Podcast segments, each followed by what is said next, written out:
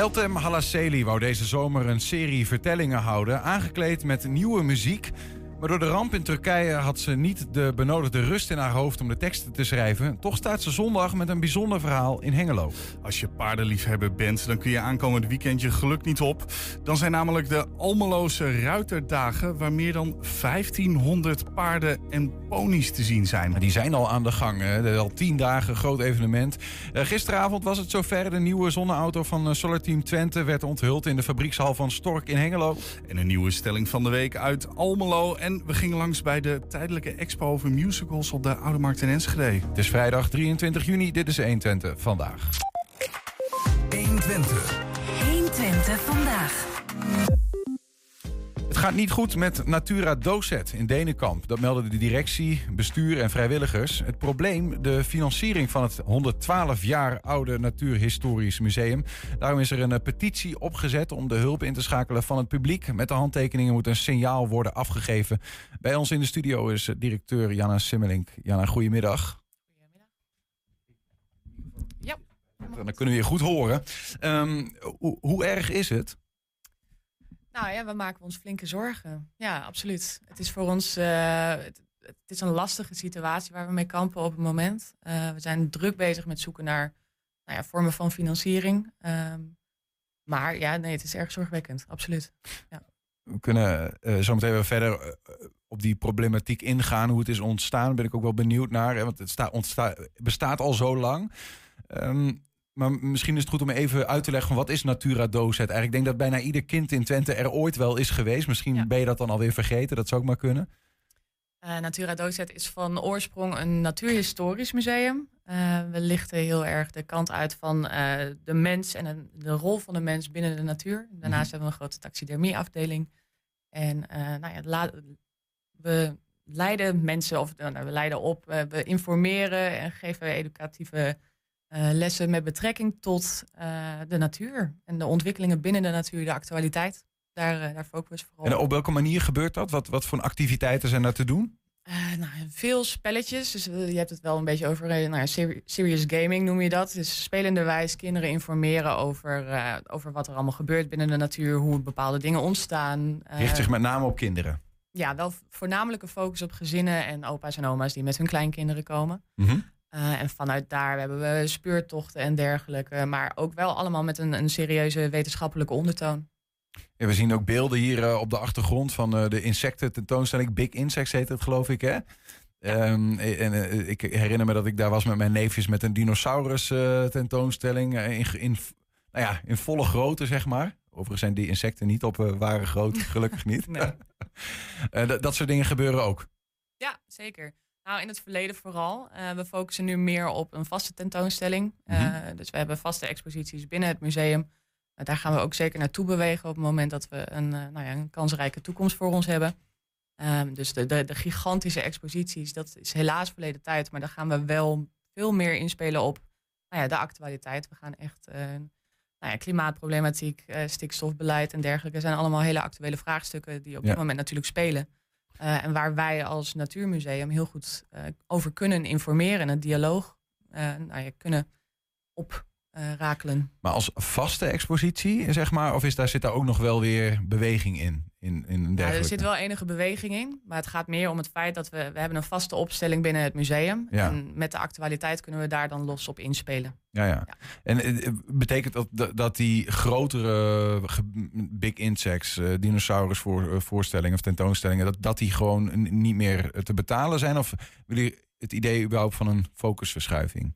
Het zijn hele dure exposities die je realiseert dan inderdaad. Ja. Uh, en daar, nou, je, je kan daar projectmatige subsidies voor aanvragen. En dat is zeker een mogelijkheid. Mm -hmm. Maar als je meer een duurzaam beleid wil voeren binnen zo'n museum... is het vaak verstandig om inderdaad meer te fo focussen op... Nou ja, een, een ja, maar goed, zijn natuurlijk twee dingen. Je kunt een, een, een visie hebben van uh, als, als alles mogelijk zou zijn... dan zouden wij dat graag willen. Of, of zeg je ook van, nou, we, we, we hebben ook als visie... dat we meer op die vaste tentoonstellingen met Nee, onze visie is wel echt dat we gaan focussen op die vaste tentoonstellingen. En niet meer de grote, uh, nou ja, hotshot tentoonstellingen zullen we het dan maar eventjes noemen. Inderdaad, dus de, nou ja, de, de publiekstrekkers in die zin. We gaan echt meer inzetten op educatie, op het feit dat uh, mensen geïnformeerd moeten worden over wat er allemaal gebeurt. En dat dat voor kinderen heel behapbaar gemaakt kan worden. Mhm. Uh, maar, en op een hele leuke manier overgebracht kan worden. Maar dat het wel nou ja, meer dan ooit tijd is dat mensen uh, leren over natuur. Dat is ook onze naam, Natura Docet, de Ja. natuur leert. De natuur leert, ja. Ja. Eh, Zie je ook dat je die rol hebt? Hè? Want als we even.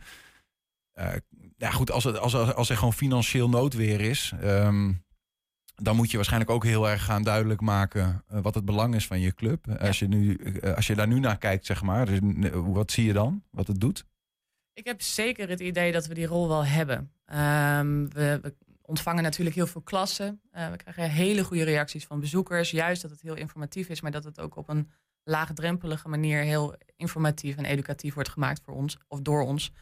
Ehm, en nou ja, ik denk dat wij juist op een hele goede manier eh, kids kunnen laten zien dat natuur leuk is, dat natuur inspireert en dat nou ja, wij onderdeel uitmaken van die natuur. Hoe hoe is dit dan zo ontstaan? Eh, eh, nogmaals, een eeuw oud ruim. Eh, ik weet niet of het altijd al moeilijk was hoor. Maar nu is er in één keer die noodklok van... weet je, jongens, we hebben Ja. geld nodig. Ik denk dat ehm, veel partijen binnen de culturele sector het sowieso lastig hebben. Voor musea is het moeilijk om hun hoofd boven water te houden. Wat we wel zien bij ons in elk geval is anderhalf jaar geleden is onze provinciale subsidie stopgezet vanwege nieuw cultuurbeleid. Eh, en vanuit daar, nou zij zijn gaan afbouwen. Dat is allemaal een heel eh, een goede overweging is dat gegaan. Vanuit daar zijn we de gesprekken gestart eh, met de gemeente voor structurele subsidie. Ja. Die gesprekken die lopen heel constructief. Dus een, een, nou ja, toch wel een lang pad wat we moeten bewandelen met ze. En dat is ook logisch, want we vragen aardig wat geld. En vanuit daar gaan we kijken, nou, hoe kunnen we dan voor de rest ook het toekomstbestendig gaan maken. Welke gemeente is dat in dit geval? Gemeente Dinkeland. De gemeente Dinkeland. Ja. Eh, Is, dat, eh, is het ook eh, iets dat niet wat, wat breder in de regio nou ja, gevraagd zou moeten worden? Ik bedoel, want Enschedeze kinderen gaan ook naar Natura Docet. Nee, dat is absoluut waar. Maar ja, ja, een, een gemeente Enschede heeft natuurlijk ook de eigen musea waar, waar de focus op ligt. Vaak, dat merk je toch. Ehm, we zijn absoluut aan het kijken naar andere partijen. Maar er moet natuurlijk wel een vaste financieringsgrond liggen voordat je met andere partijen in gesprek kan gaan. Want dan daarmee laat je ook zien, we hebben een, eh, een bestaansrecht. En eh, er is een partij die ons structureel eh, financiert. Is dat ook de reden achter die, achter die petitie? Dat, Ja. het, het eigenlijk het bestaansrecht laten zien? Nou ja, precies. Het bestaansrecht inzichtelijk maken. Zo noem ik het inderdaad vaak. We willen graag ons draagvlak laten zien. Ehm, we willen laten zien hoeveel mensen en hoeveel culturele partijen. Want er hebben zich inmiddels 43 culturele onderwijs- en natuurpartijen aangesloten bij onze petitie. Die allemaal zeggen: hé, hey, dit kan niet stoppen. Dit is Ja. een museum dat moet blijven bestaan. Want we zijn het, nou, en het oudst natuurhistorisch museum van Nederland. En daarnaast zijn we het enige natuurmuseum hier in deze provincie. Dus wij hebben gewoon wel een rol te vervullen hier. Je hebt 350.000 euro per jaar nodig, hè? We vragen een deel daarvan inderdaad aan Dinkeland. En een, een deel eh, gaan we kijken hoe we dat bij andere eh, partijen kunnen gaan krijgen. Ja. Ja. Hoe, hoe reageert de gemeente daarop? Heel goed, heel constructief. Eh, het is natuurlijk best een lastig vraagstuk en daar hebben we alle begrip voor. Ehm, dus dat, ja, dat daar goed over nagedacht moet worden. En dat daar afspraken over gemaakt moeten worden. Ja, daar heb ik alle begrip voor. Ja. Absoluut. Vertrouwen in ook? Ja, zeker. Ja. Ja, Absoluut. ja maar moet je anders misschien ook wel. Maar, eh, Ja, maar ik bedoel, er is niet een, een, eh, er is niet een zorg binnen de gelederen dat, dat, dat dit mogelijk nou ja, tot echt moeilijkheden, nog meer inkrimping eh, en misschien wel het einde kan zou kunnen betekenen van zo'n museum. Nee, dat kan ik nog niet zozeer zeggen. Daar zijn we ook nog niet. Nee. Nee, absoluut niet. Ehm, wat wij ons we zaten een beetje na te denken, hè, een museum, eh, financieel noodweer. ehm, wat kun je dan allemaal doen? En, eh, ja, Ja. misschien is het een beetje gek gedacht, maar je hebt natuurlijk ook museumstukken die heel veel geld waard zijn, mogelijk wel. Ja, dat klopt. Ja, eh, gaan er ook andere gedachten door jullie hoofd als je dan geld moet betalen? Het idee is dat we in het najaar bijvoorbeeld een, een stenen- en fossiele beurs gaan organiseren. We hebben een gigantische collectie ook eh, daarvan. En nou ja, de, de, de stukken die echt veel geld waard zijn, zijn ook vaak heel waardevol qua Mhm. erfgoed. Dus die zullen we niet zo snel veilen of iets dergelijks. Eh, want dan nou ja, spelen we onze eigen kaarten Ja, dan eet je weg. jezelf op natuurlijk. Ja, dat is ook wel weer zo. Ja, ja, dus dat is dan net weer een beetje zonde. Eh, maar we zijn wel echt goed nou ja, op creatieve manier aan het kijken. Hey, hoe kunnen we nou ook zelf bijdragen aan onze toekomstbestendigheid? Het is ook onze verantwoordelijkheid. Ja. Crowdfunding is een ding tegenwoordig. Absoluut. Ja. Ja. Ik weet niet wat er allemaal gedacht wordt wat dat Ja. betreft. Ehm, eh, hoe, hoe lang kunnen jullie nog eh, in principe met eh, hoe je het nu doet doorgaan? Ja, dat durf ik niet zo goed te zeggen. Gisteren stond, of vanochtend stond er een stuk in Tubantia waar we nou, heel duidelijk zeggen dat we de, onze activiteitenprogrammeringen vooral met een gesloten knip op dit moment doen. Um, ja, Wat betekent dat? Dat we in feite geen geld uitgeven of zo min mogelijk geld uitgeven aan, aan de activiteitenprogrammeringen. Mm -hmm. totdat er helderheid is. Um, maar hoe lang we door moeten gaan, ja, ja, dat is echt afwachten. Zeker ook met betrekking tot uh, de, nou ja, de fluctuerende prijzen die we op dit moment natuurlijk betalen voor onze exploitatie. Ja, ja. Maar goed, er is uh, wel volop vertrouwen in, in de toekomst van de gemeente Dinkeland in eerste instantie, maar in hun slipstream misschien ook van andere partijen die je daarmee kunt overtuigen. Ik heb goede moed. Van wie verwacht je het? Dat, dat durf ik niet te zeggen. Jawel. Nee, nee, nee, sorry, daar ga ik. Uh, echt niet? Nee, nee want ik bedoel, ik zit ook, want je noemt uh, museum uh, cultuursubsidies bijvoorbeeld hè, vanuit de provincie. Maar, maar eigenlijk wat je hier vertelt is, we hebben vooral ook een plek in educatie, natuureducatie. absoluut. ik weet niet, is dat ook niet logisch, een logisch pad? Ja, die plannen die liggen allemaal klaar. Ja, maar ja, het gaat om die vaste financieringsgrond die we nu vooral moeten garanderen. En vanuit daar hebben we die petitie opgestart. Ja. Om te laten zien van jongens, er zijn heel veel partijen die uh, ons als serieuze partner zien. Mhm. En dat is juist voor die de, de, de partijen die onze toekomst gaan bepalen in feite, of mede bepalen. Uh, is dat belangrijk en goed om te zien. Daarom uh, ondernemen we dit nu. Succes met het binnenhalen van structurele financiering. En nou ja, goed dat je daar uiteindelijk maar minder zorgen over mag maken. En gewoon weer kan gaan doen wat jullie leuk vinden. Namelijk kinderen over de natuur leren. Jana Simmeling, dankjewel. Dankjewel. Zometeen ben je een paardenliefhebber, dan kun je aankomend weekendje geluk niet op. Dan is namelijk de afsluiting van de Almeloze Ruiterdagen, waar meer dan 1500 paarden en ponies te zien zijn. 120. 120 vandaag. In het midden van de fabriekshal van Stork in Hengelo stond een grote kist met daaronder de nieuwe auto van het Solar Team Twente. Red X werd gisteren onthuld met een spectaculaire show en een publiek van meer dan 700 gasten.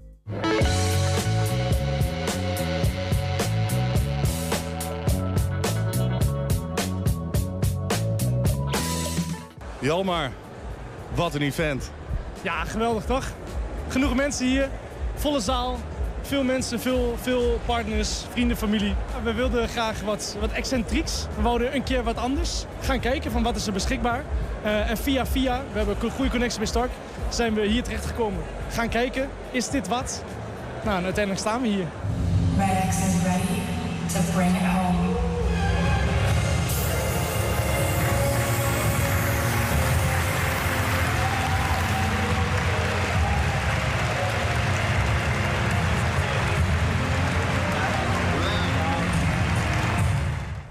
Het staat er mooi bij, hè? Ik ben er echt heel trots op. Wat we eindelijk kunnen laten zien in de buitenwereld. Ik kan me haast niet voorstellen dat we dit hadden kunnen neerzetten. Als, toen ik begon, dat is nu ja, een jaar geleden inderdaad, ik had geen idee waar ik aan begon. En dat je dan dit kan neerzetten, een auto die echt een heel stuk beter is, met alle technologie erin, ja, dat is echt heel mooi. Dat is echt een heel bijzonder moment. Ik krijg er nog steeds kippenvel van, man. We hebben tien keer geoefend al vandaag, maar het is zo fijn dat we eindelijk kunnen laten zien waarvoor we gestreden hebben al die tijd.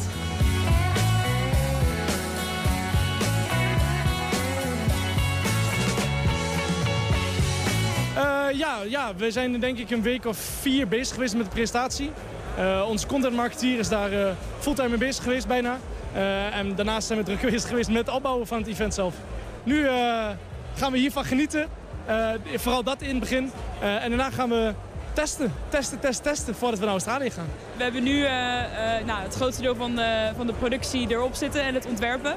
En nu gaan we dus over naar nou, echt, het echte rijden. Alles gaat nog meer op efficiëntie. En dat is een hele grote stap die je als team ook moet gaan maken qua mindset. Dus dat wordt een hele grote uitdaging uh, voor mij eigenlijk de aankomende maanden.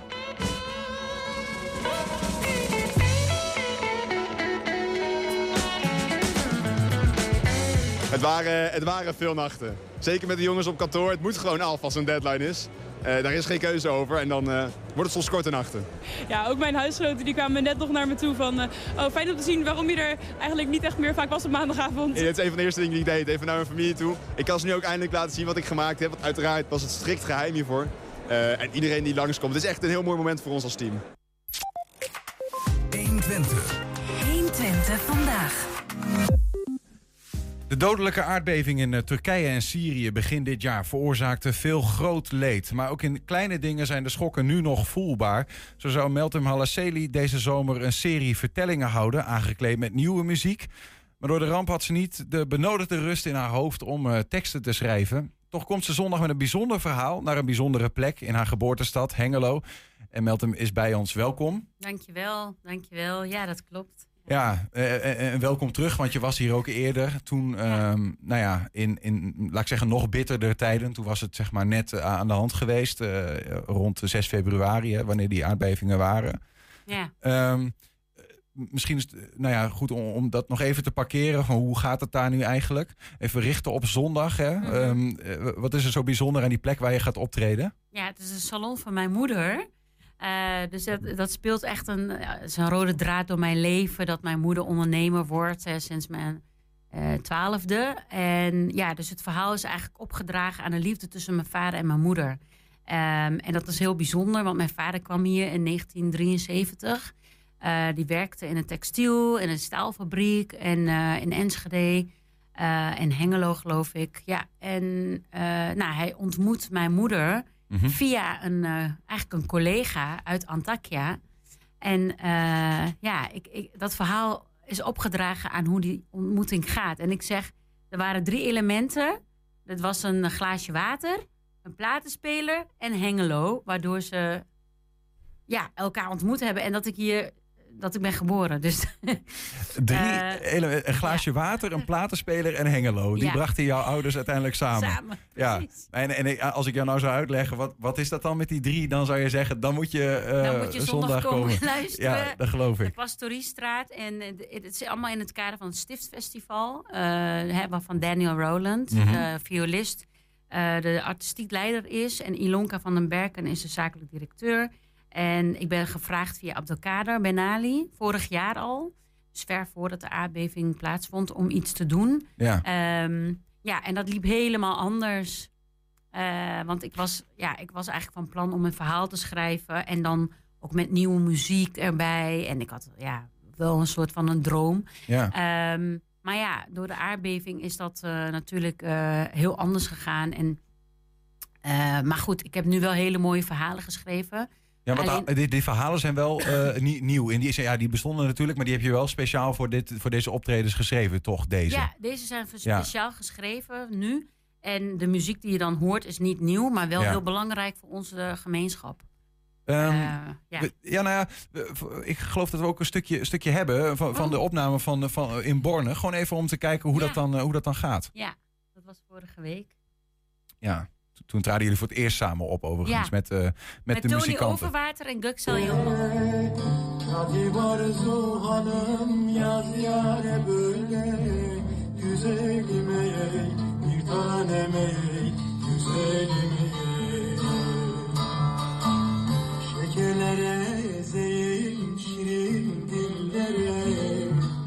Hadi Barzu hanım yaz yare böyle Bir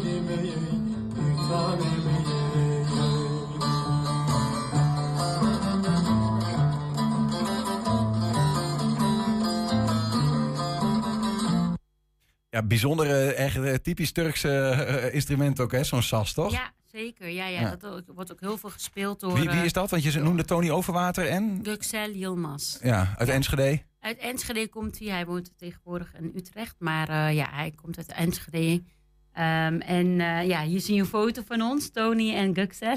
Mhm. Eh, en het lied wat jullie net hoorden is, eh, behoort toe aan Pir Sultan Abdal. Dat was een belangrijke Alevitische religieuze leider. Ehm, en eigenlijk is het een klacht. En in, dat, in dat verhaal vorige week ehm, vertelde ik het verhaal inderdaad over het opgroeien. en ook, nou ja, dat mijn ouders de koep meemaakten. Of in ieder geval op afstand hè, in, in, in Turkije in 1980. Eh, en dit lied heb ik gekozen omdat het een klacht was tegen het systeem. En een link gemaakt met hoe het nu in Turkije is. In onze gemeenschap is er weer, Ja, mensen ja. moeten weer protesteren. De, de Eh, neiging naar, een- naar een koep misschien wel voor sommigen. Dat ze zeggen van eh, dit, dit, re- dit regime is niet goed voor ons. Nou, dat, nee, dat wil ik niet zeggen. Want dat is, een koep is wel heel erg dramatisch. Maar wel dat er, uh, nou ja, de verkiezingen zijn verloren.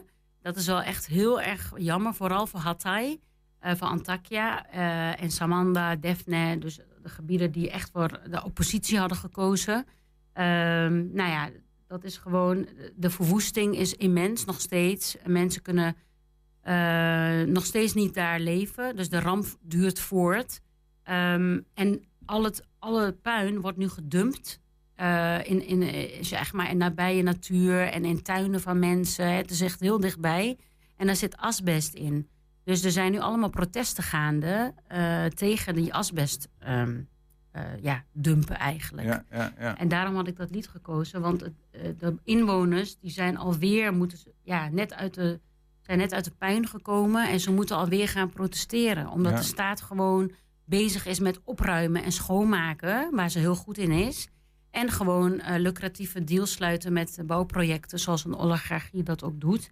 Ehm, en helemaal niet rekening houden met dat er nog wetenschappelijke onderzoeken gedaan moeten worden naar die aarde. Hè, naar de grond waar de huidige breuklijnen zijn. Eh, of dat er misschien vloeistof of eh, vocht in de aarde zit. Dus de staat is nu bezig met gewoon op dezelfde plek alles opnieuw bouwen. Zonder, zonder te kijken van wat moeten we anders doen. Zonder te kijken wat we anders moeten doen. Ook de lokale gemeenschappen niet meenemen. Ja, ja. Eh, en gewoon met, zich, met zijn eigen eh, groepje clans. eh, nou ja, sommigen noemen het criminele organisatie. Met wie ze dan samenwerken. ja. Ehm, en, de, en, en ja, dus wij moeten weer protesteren. Dus in die zin zijn die, die tijden, nou ja, lichtelijk vergelijkbaar in, in 1980 en, en, en nu. Nou ja, ja dan, het is niet zo één en één, één Nou ja. te trekken. Het is natuurlijk geen militaire coup. Alleen, eh, ja, je bent wel gewoon overgeleverd aan een eh, één partij. En eh, die gewoon geen rekening houdt met, met lokale gemeenschappen. Ja, en ja. Ja, want eh, hè, we, zoals dat nou ja, zo vaak gaat, eh, zeker, we, we leven natuurlijk een, een eindje van Turkije af, maar in het nieuws verstem, v- verstilt dan die stemmen. Eh, eh, de geluiden over wat er in Turkije speelt, terwijl het in februari natuurlijk zo hoog op de agenda stond. Ehm, hoe is dat, hoe is dat voor, voor jullie? Want je, hoeveel, hoeveel dagen eh, per week ben je nog bezig met wat daar gebeurt? Ja, dat is wel minder geworden. ehm, maar iedereen is nog wel in rouw. Eh, en het besef daalt steeds meer in dat we gewoon geen plek meer hebben om naar terug te gaan. En teruggaan, dat bedoel ik niet in de zin van dat we daar willen wonen. Tenminste, wij als familie.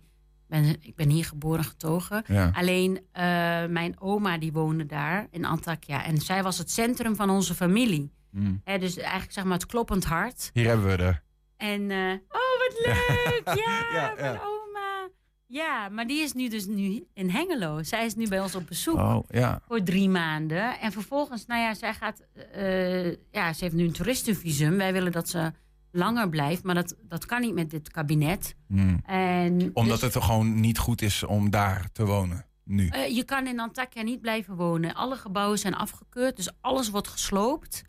Eh, het is of licht beschadigd of zwaar beschadigd, dat doet er niet toe. Maar dat wordt allemaal gesloopt. Hmm. En geen, ene, geen één mens, je kan er niemand zien, nog steeds niet, die in een gebouw eh, of in een flat woont. Ja. Hoe doen mensen dat dan die niet familie in Hengelo hebben?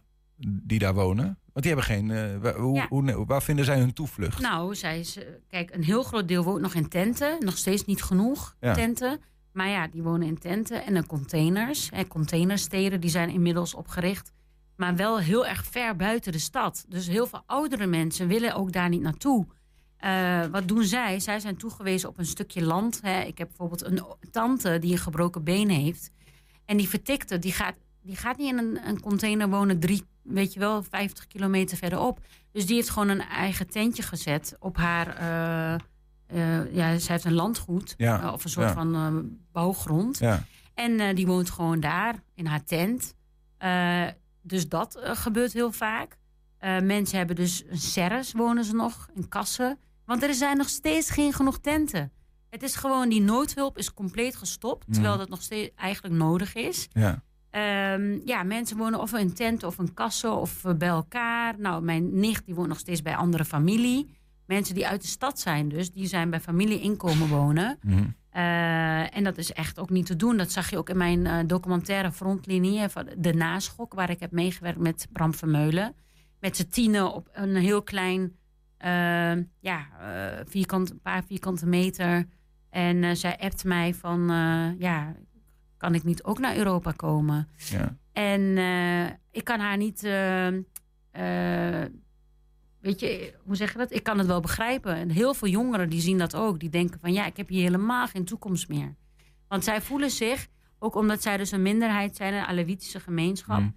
sowieso al helemaal over het hoofd gezien. En Ja. ook, eh, ik las vanochtend nog een bericht dat er, eh, dat er is gebleken dat hulpteams, reddingsteams uit de hele wereld binnen 10 of tussen 10 en 15 uur al ter plekke konden zijn. In Adana waren ze al geland. Ehm, maar dat door de, eh, de bedevaart naar Umre, dat deze, eh, zeg maar, er was ook een, tegelijkertijd een Umre gaande. Die mensen kwamen ook aan op eh, dezelfde, hetzelfde luchthaven. Die kregen voorrang Op de hulptroep. op de hulptroepen. Ja, zit, zit daar een Dus soort van gedachte, agenda achter? Ja, dat denk ik wel. En heel veel mensen denken dat ook. Ehm, Ja. ja. weet je, het lijkt alsof andere dingen de voor, voorrang krijgen. Wat, wat zegt het dan? ehm ja, maar dat is natuurlijk, het is eh, lastig omdat we kunnen die dingen hier zeggen, maar het zijn misschien moeilijk te bewijzen. En uiteindelijk, nou ja, dat is ook eh, onze plicht om daar dan weer ergens iets tegenover te zetten. Hè, van, eh, van ja, ehm, is, is dat echt een bewuste keuze geweest of niet? Maar we kunnen wel over nadenken van ja, wat, wat zegt het dan dat, ehm, eh, ehm, dat een bestuur dat dit doet, dit, dit toestaat, ook eh, wederopbouw, eh, hoor ik je zeggen, eigenlijk nou ja, eh, niet goed aanpakt, niet eerst onderzoekt wat moet er gebeuren en er wordt gewoon weer op dezelfde manier gebouwd, ehm, dat zo'n bestuur dan toch wordt herkozen in, in Turkije.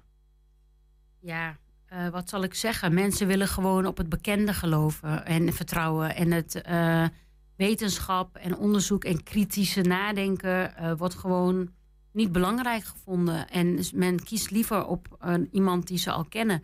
Eh, en dat, dat hebben we vaker gezien, al Ja. twintig jaar. Hè, ehm, hij heeft een bepaald deel van de bevolking in Turkije natuurlijk heel goed eh, bevoorrecht met banen, met, met eh, nou ja, vrouwen die met hoofddoek die naar de universiteit konden gaan, met andere zaken. En zij geloven blind in hem. En ik, ik zie het ook echt als een soort aanbidding. En aanbidding en aan liefde, daar valt geen verstand op. Hè? Dat, is geen, dat is niet iets rationeels. Dus als ik ook naar die campagnes kijk op televisie, wat ik de afgelopen maanden heb gezien, denk ik, ja, die mensen die zijn gewoon verliefd. Als je verliefd bent, dan ben je dom. Ja. Ja, sorry. Maar, maar is het zo'n aantrekkelijke man? Of waar Nee, komt die nee, verliefdheid nee. vandaan? Die- het gaat niet om op aantrekkelijkheid op, eh, of verliefdheid in die zin, maar verliefd op eh, zijn macht, zijn kracht, zijn eh, wat hij allemaal kan doen. Ja. Dat als hij iets zegt, dat het gebeurt. Natuurlijk, hij heeft alles in handen. De media, de eh, juridische macht, de, alle ministeries. Hij heeft alles in handen. Dus De democratie in Turkije deugt eigenlijk niet. Nee, dat is niet echt een democratie. Dat Nee. kan je toch niet zeggen? Verkiezing bestaat, een democratie bestaat niet alleen maar uit verkiezing. Hallo, dat is toch niet. Er zijn journalisten opgesloten, die zijn niet vrijgelaten. Er zijn zakenmensen opgesloten. Waarom? Omdat ze gewoon mee hebben geholpen met een protest. Godverdomme. Ja, ik word daar boos van. Ja. Dan denk ik, en dan heb je het over democratie? Ga weg. Ja, echt. Ja. Sorry. Nee, ja, ik, ik word er echt boos over dat mensen kunnen. En dat hij, want hij is er ook heel goed in. Hij heeft het ook ge- gezegd: we maken er een democratisch feestje van, die verkiezingen. Ja, dat is. Democratie is geen feest. Democratie is vechten voor je vrijheid en voor je rechten opkomen. En geen feestje om. eh, En goed Oh, onderwijs over eh, Goed onderwijs. Wat, wat, wat er inderdaad te kiezen valt. Eh, en, en hoe goed dat of slecht dat eigenlijk wel niet, eh, niet is. ja, Ehm, ehm, als je zeg maar. ehm, nou, dit, dit is nog weer een, een soort van gekke bijkomstigheid. Want volgens mij in de eerste instantie was er de, gedachte van ja, hoe gaat Erdogan dit doen eh, met deze aardbeving? Misschien wordt dit uiteindelijk toch eh, gaat het hem de kop kosten. Nou, dat is niet gebeurd, zeg maar. Eh, eh, die aardbeving, hoe heeft die op een andere manier, eh, of hoe is die wel om zich heen geslagen? Ook in eh, de Turkse gemeenschap in, in, in Nederland, zeg maar. Als we nu, nou wat is het, pak een beetje een half jaar later kijken. Wat voor een sporen laat zo'n aardbeving na? nou, ik ben ook een beetje cynisch, maar kijk, Turk- eh, men is heel goed in vergeten. Dus ik zie een heel groot deel mensen, die zijn het al vergeten. Ehm, een deel van de mensen zijn het vergeten of willen het vergeten. ook binnen de gemeenschap. Eh, nou, binnen de gemeenschap, nee, dat niet. Nee, absoluut niet. Die zijn nog in rouw. Maar de rest, eh, alle andere mensen, na de verkiezing zie je wel echt een soort van omslag. Men is gewoon weer bezig met, ja, hoe gaan we verder leven? We moeten gewoon weer opbouwen. Ehm, ja, en, en men gaat gewoon hè, kijken naar eh, de toekomst. En die verkiezingen hebben ook echt wel de aandacht afgeleid van wat er nodig was in de aard, aan, aan de aardbevings Mm. En ja, dus de, de neerslag. eh, Nu, eh, mensen die ehm, familieleden zijn verloren, die zijn nog steeds in dezelfde positie. Er is niks veranderd. Ze moeten geld bij elkaar sprokkelen om een container te kopen. Ze moeten, eh, er is nog geen eens goede watertoevoer in, in Antakya. Ja. De riolering is er niet. Er zijn geen douches. Ik zie mensen worden gebeten. Heel simpele dingen. Gewoon muggenspray. Iedereen wordt nu door muggen, door de hitte... eh, ook, eh, nou ja, ehm lastig gevallen. Of Ja, hoe zeg je ja, dat, hè? ja, ja. Heeft te maken met allemaal dat soort problemen. Er waren slangen in, in containers. Er was een wateroverstroming eh in containers. Gewoon, ja. Dus dat- wat heel goed was, wat ik ook las aan het artikel, dat vond ik heel mooi. De hulp die vanuit hier ontstond, die onafhankelijke hulp via WhatsApp, Mm. via allerlei social media, die waren cruciaal. Die waren sneller dan afhad. En dat zeg ik niet, maar dat zeggen die tolken. Dat zeggen mensen die dus ook bijvoorbeeld... De tolk die mee is gegaan met USAR... en met het Nederlands reddingsteam... die heeft nu een rechtszaak gestart. Die zegt gewoon openlijk, dit was een moord. Eh, want wij, eh, wij weten dat ons reddingsteam was er op na 12 uur al in Adana. Maar mocht, mocht pas na de 40ste uur... Ja. Ja. Dus die moesten 28 uur wachten. En die konden niet naar de plek toe. Waarom? Om gewoon onzinredenen. Ja, ja, ja. Dus eh, ja, Ja. Het, en, en, en wat dichter bij huis, zeg maar. De, de, de, hè, de Twente kent natuurlijk een rijke Turkse gemeenschap. Ook vanuit het verhaal wat je eigenlijk net vertelt. Hè. Ja. Misschien om het rond te maken. Aankomende zondag. Je vader Ja. die als textielarbeider eh, kwam. Eh, Ja. zo, zijn er, zo zijn er ook veel anderen. Wat, wat, wat doet het met, met de Turkse gemeenschap in Twente op dit moment? Hoe, zijn ze er, eh, hoe, hoe, hoe- hoe is die gemeenschap ermee bezig? Met die, met die nasleep van die aardbevingen? Nou ja, wat ik al zeg, men is in rouw. Men probeert ehm, ja, eh, de doden te begraven. En er komen nog steeds doden uit de puin. Mm. Ja, gisteren nog was er iemand gevonden. Ehm, men is bezig met ja, eigenlijk geld verzamelen. Nog steeds hetzelfde. De- eh, om, Ja. om een huis te vinden of om eh, nou ja, in ieder geval een prefabriek container te kunnen kopen. Voor mensen die in Turkije eh, ja, zijn. mensen die in Turkije. Of men is bezig met visa regelen. Dus om mij heen zie ik ook heel veel mensen die gewoon hun moeder of een Ja. vader of oom, tante op bezoek hebben in Nederland. Je oma. Maar oma. Ja. Ja, ja, ja.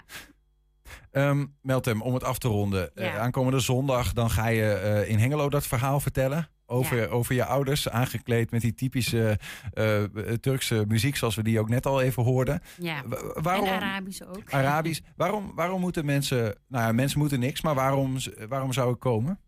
Nou, ik zeg het. Het is misschien cliché, maar ik vind het heel belangrijk. Ik voel gewoon dat onze gemeenschap dat is verminderd. Er zijn meer dan, ik denk, 50.000 mensen omgekomen in Hatay alleen. Ik geloof die cijfers in Turkije niet. Eh, en onze cultuur, onze geschiedenis en muziek, kunst is ook verminderd. En ik geloof erin dat, ehm, ja, dat we op deze manier toch een beetje kunnen helen. Een beetje kunnen genezen. En ehm, ja, alles is verwoest. Onze gemeenschap is zwaar toegetakeld. En dan biedt dit schoonheid en troost. En dat wij gewoon ja, iets kunnen beschermen van onze cultuur wat aan het afbrokkelen is. Mooi. Ehm, zondag, entree is gratis. Eh, Aanmelden, dat kan. Eh, en dat is ook nodig, denk ik. Hè? Stift Ja, de Music catering. Festival. Dus stiftmusicfestival.nl. Milton zo. Halaseli, dankjewel voor je komst. Graag en eh, gedaan. veel, ook veel succes zondag. En eh, veel sterkte met alles wat er nog aan gaande is. Ja, dankjewel, dankjewel. We zijn ook als podcast te beluisteren. Daar vind je op alle platforms, eh, of daar, je kan ons vinden op alle platforms. Daar kun je vinden 120 vandaag, de hele uitzending. En iedere dag één item uitgelicht op 120 vandaag uitgelicht. 120 vandaag. De boodschap kwam donderdag als donderslag bij heldere hemel voor de insiders. Spacebar in Enschede gaat vanaf juli ruim twee maanden dicht. Dat is nodig om kosten te besparen. Anders schrijft de kunstbar aan het stationsplein einde van het jaar rode cijfers. In de uitgebreide zomervakantie gaan exploitanten Kees de Groot en zijn team zich beraden op de toekomst. Op zaterdag 1 juli organiseren de kunstenaars een laatste feestje, een protestparty.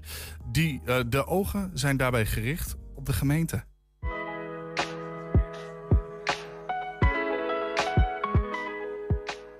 We hebben besloten om eh, een summerbreak uh, in te lassen. Wat we andere jaren ook doen, maar dit jaar wat uh, langer en ook eerder. Omdat de lasten die wij moeten opbrengen met, met de spacebar op dit moment lastig zijn. Uh, en dan moeten we bezuinigen. Dus we, we stoppen en we recalibreren. We gaan ons herbezinnen hoe we dan na Gokbot Festival... want dan gaat het zeker weer open, hoe we dan verder kunnen gaan. Uh, daarvoor hebben we ook overleg met, met de gemeente bijvoorbeeld en met, met ons team. Dus dat is even een uitdaging hoe we dat gaan oppakken. Ja, er zijn eigenlijk twee verhalen in dat protest. Hè. ons team, ons barteam en Spacebar team hebben we gisteren verteld... dat we zo lang dicht blijven. En die vonden dat niet leuk, maar die hebben nu een maandje hier. Dus die zeiden nou, volgende week zaterdag 1 juli. Dan gaan we ons laatste feestje doen hier. En dan noemen we dat ook een protestfeestje. Want we zijn het hier niet mee eens. En we hebben hulp nodig om te kijken hoe we dat kunnen oplossen. En daarnaast uh, liep er al langer een initiatief van een maker. Een aantal makers uit het pand hier. Uit onze grote broedplaats hier achter mij. En die, ja, die zijn kritisch op de plannen van de gemeente om het pand te laten slopen door een ontwikkelaar. Om het hele plein te veranderen zoals we het nu kennen.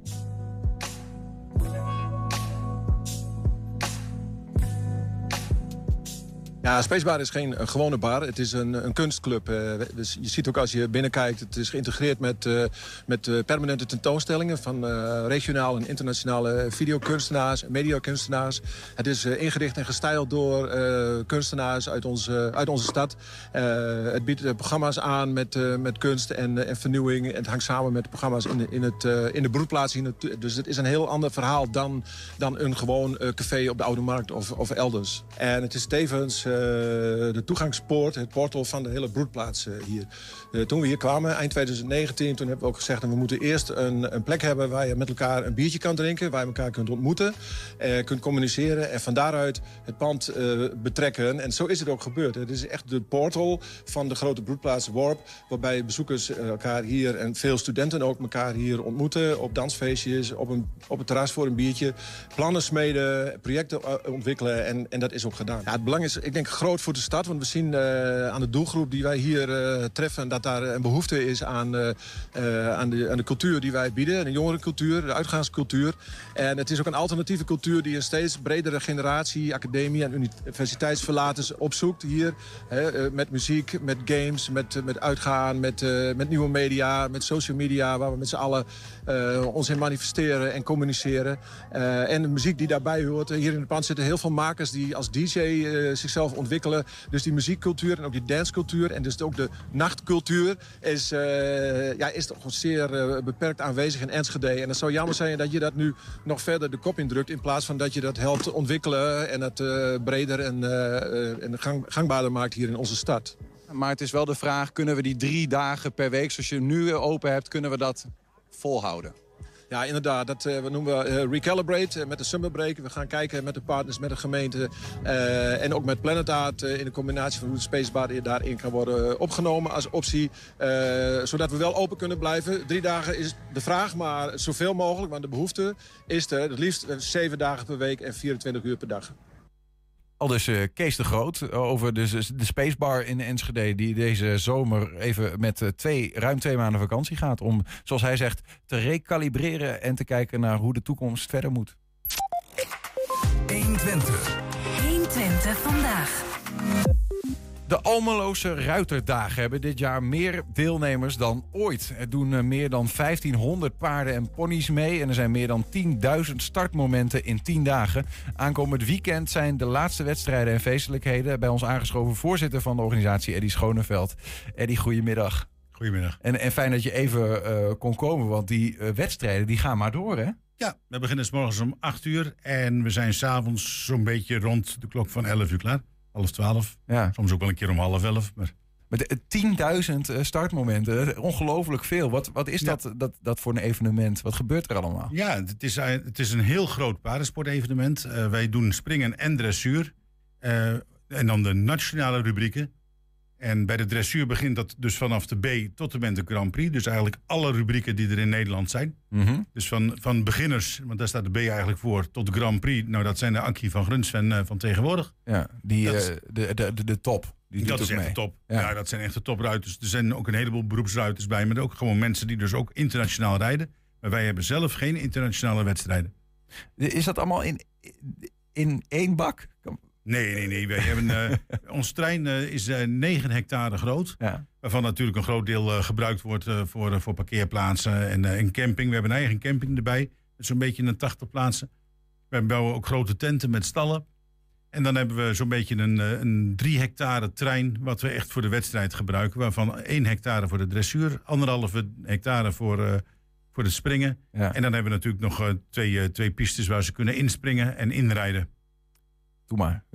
Dat is een heel groot terrein. Voor hoeveel, hoeveel mensen zi- zijn er dan bij betrokken bij zo'n evenement? Hoeveel eh, eh, de- deelnemers, maar ook hoeveel bezoekers in die- al die tien Ja, dagen? dat is natuurlijk een beetje verschillend. Wij beginnen het eerste weekend met ponyweekend. En Ja. je merkt altijd dat dat wel sowieso het drukste is. Want bij die ponies daar horen vaders, moeders, maar er komen ook opa's, oma's, ooms en tantes komen er meekijken. Dat is gewoon een familie-evenement. Echt een familie-evenement. En ze komen ook echt uit het hele land.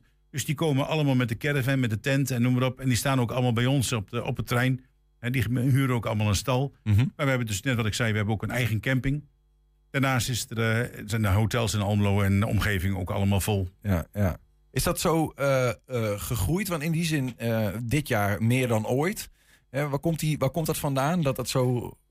Ehm, misschien wel een stukje. De- laatste jaren werd het wat minder. Toen kregen we natuurlijk corona. Ja. Eh, de paardensport is sowieso wat minder geworden. Want het is natuurlijk best wel een, een redelijk kostbare sport. En wij hebben met name ook eh, gekeken van hoe kunnen we met, met nieuwe technieken die, in, de, die er in, op social media gebied zijn, eh, toch mensen bereiken en vertellen van ons trein. Mhm. En misschien ook wel een hele belangrijke, we hebben dit jaar onze bodem helemaal gerevitaliseerd. Dus onze springpiste die, eh, die, die lag 15 jaar en die was echt aan eh, vernieuwing toe. Dus Ja. die is eigenlijk echt helemaal vernieuwd. Ja. En onze andere pistes zijn echt helemaal eh, ja, gerefreshed, zeg maar. En dat trekt dan meer ruiters. Ja. Die dan denken van nu ga ik wel naar Almelo. Ja, een goede bodem is echt essentieel voor je evenement. Ja. Hoeveelste editie is dit van de 55ste. 55. Ja. ja. Ja. Begon niet zo groot, denk ik. Ja, daar ben ik natuurlijk niet bij geweest. Nee. Maar de, de, de, Almeloze Ruitendagen zijn eigenlijk een kopie van de Iserlohner Ruitendagen. Want zo is het eigenlijk een beetje begonnen. Iserlohn is een partnerstad van Almelo. Die hebben het uitgedacht. En eh, dat, daar ging eigenlijk Almelo vanuit de manege gingen er een hele groepen naartoe. Ja. En toen hebben we gezegd, van, dat willen we eigenlijk zelf ook op poten zetten. En uiteraard was het in het begin kleinschaliger, maar het is de laatste jaren steeds verder uitgegroeid. Ja. Wat heb je zelf met paarden? Ja, ik heb drie vrouwen die eh, met, wat met paarden hebben. Eh, mijn, mijn vrouw die reed, reed vanaf kind af aan paard. En eh, toen op een gegeven moment onze dochters zover waren, was het ook van papa, we willen paardrijden. En ik heb zelf ook nog een keer een blauwe maandag paard gereden, maar dat was toch niet echt een succes. Ik, dat is, ik ben niet echt een. Je ging liever voorzitten. dat is niet mijn talent, zeg maar. Maar organiseren, dat is mijn Ja. vak. En, en, en vind ik erg leuk om te doen. Ja. En zo ben ik dus eigenlijk wel in de organisatie terechtgekomen. Want wat behelst eh, het voorzitterschap van zo'n evenement? Zeker als het zo groot is. Ben je daar dan, eh, hoe, hoeveel, hoe druk ben je daarmee? Nou ja, je, je bent eigenlijk aanspreekpunt op alles. Dus het is voor mij een nieuwe rol, want ik ben eh, bijna 15 jaar secretaris geweest. En dat was echt een uitvoerende rol. En in die rol was ik ook wel vaak woordvoerder, want ik was, was ook verantwoordelijk voor de PR. En ik deed eh, de, de sponsoring en noem maar op. Maar de voorzitter is toch een beetje de coördinerende functie, eh, de, de spin in het web. Mhm. Eh, als er een probleem is, komen ze toch vaak bij je van dat probleem hebben we. Ja. En dan probeer je dat zo op te lossen dat je er eigenlijk dat er niemand schade aan ondervindt. Want soms is het wel van ja, hij zei dit en ik zeg dat. En eh, Ja. dat je toch samen weer tot consensus komt en dat je eigenlijk weer samen voor het evenement staat. Ja. Maar goed, bij de military is de, de, de voorzitter is het volgens mij bijna zijn dagtaak. Eh, en bij jou is het, is het een. Want je hebt ook nog gewoon een baan, toch? Ja, ik heb ook nog gewoon een baan, maar in principe heb ik tijdens de Almeloze Ruitendagen eh, altijd vakantie. Al moet ik wel eerlijk zeggen, zo nu en dan komt er nog wel eens een keer een melding tussendoor waarvan ik denk van nou, dat kan ik niet, kan Ja. ik niet vrij. Ja. Dus dat probeer ik dan wel in te passen, maar over het algemeen heb ik vakantie. Wat is de, de, voelt het ook als vakantie, eerlijk gezegd? Ja, een- ja, ja, in principe wel. Wat is de schoonheid van zo'n evenement? Ja, dit is- kijk, wij organiseren dit ehm, met een groep van ongeveer 30 mensen. Nou, 40 denk ik. 40 mensen is de harde kern. Daarvan komt zo'n beetje een 15 tot 20 mensen elke woensdagavond bij elkaar. En dan hebben we altijd een thema waar we het over hebben. En op die woensdagavond eh, wordt dat dan besproken. Maar eigenlijk is dat ook wel een beetje een vriendengroep geworden. Mhm. Want we komen eigenlijk altijd woensdagavond. En ook als er niet echt een thema is, dan zijn we er nog. Omdat we het ook gewoon leuk vinden om bij elkaar te zijn. Ja, ja, ja. En die groep van 40, ja, dat zijn allemaal mensen die je gewoon heel goed kent. En, eh, en daarmee doe je het samen. Hey, gisteren eh, hebben we allemaal meegemaakt, re- regende het een beetje. Ehm, wat doet dat met zo'n terrein? Niks.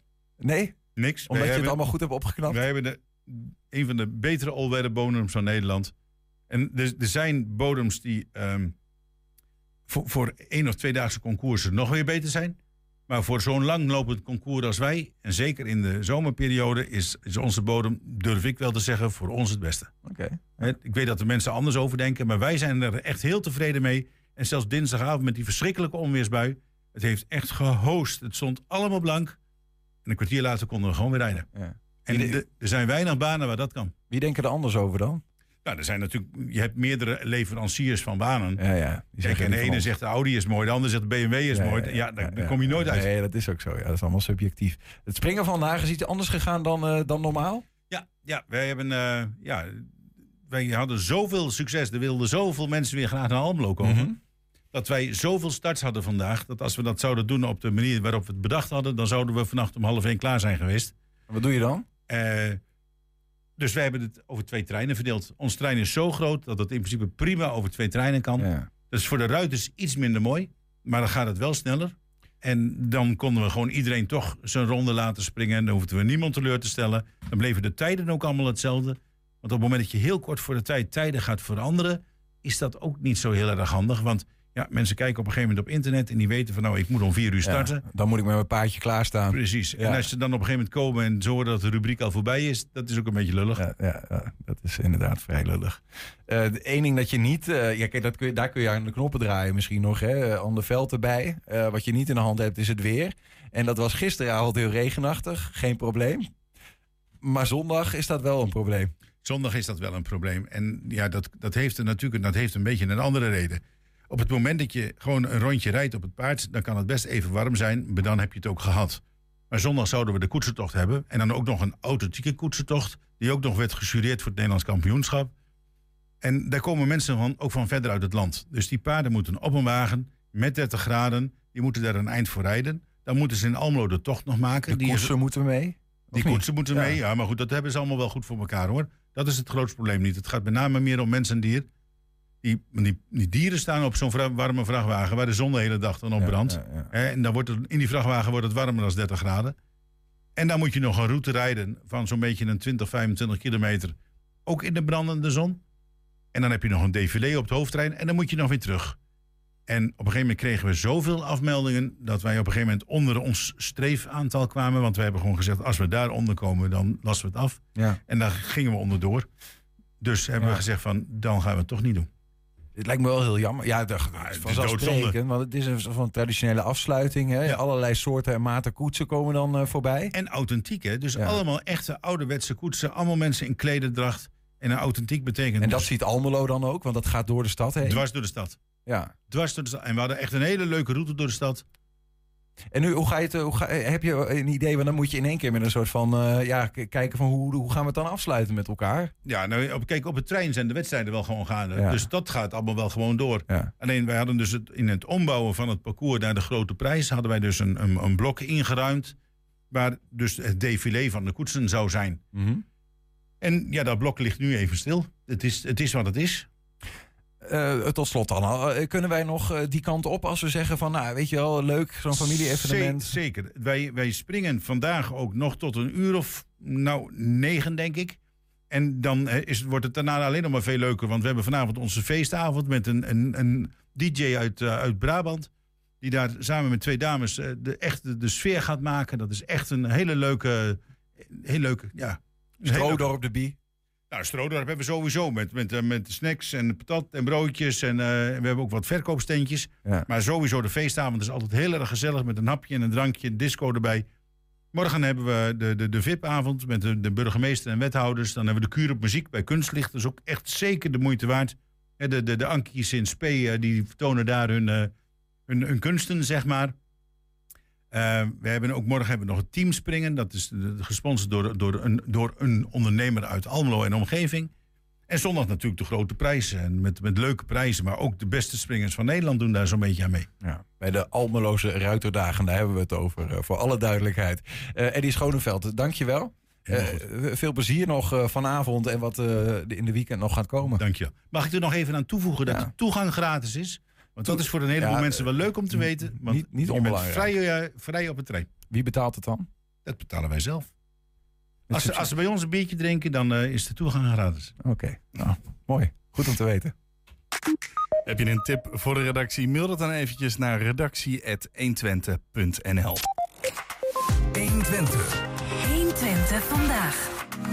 Ja, ik zou hier een grapje over het eeuwige verlengen kunnen maken, maar dat ga ik dan toch niet doen. Maar Soldaat van Oranje zien. Maar dan in Enschede, het kan nu. Althans, een stukje ervan. De kostuums en decorstukken van bekende musicals zoals Soldaat van Oranje, Charlie en de Chocolate Factory, oftewel Shaki in de chocoladefabriek, Scrooge en Miss Saigon. Die vind je de aankomende twee weken in de Grote Kerk op de Oude Markt in Enschede. De tijdelijke walk-in expositie is gratis te bezoeken van 22 juni tot met 9 juli.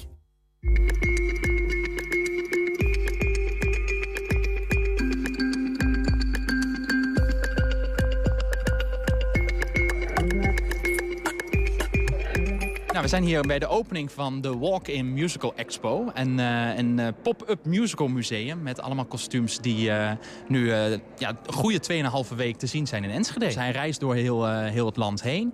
Ehm, en eh, wij kregen ook de aanvraag van, eh, is er in Enschede ook ruimte? En eh, nou ja, toen zeiden we van, nou, wat, hoe mooi zou het zijn om dat in de Grote Kerk te doen. En wij dachten op een gegeven moment tijdens corona...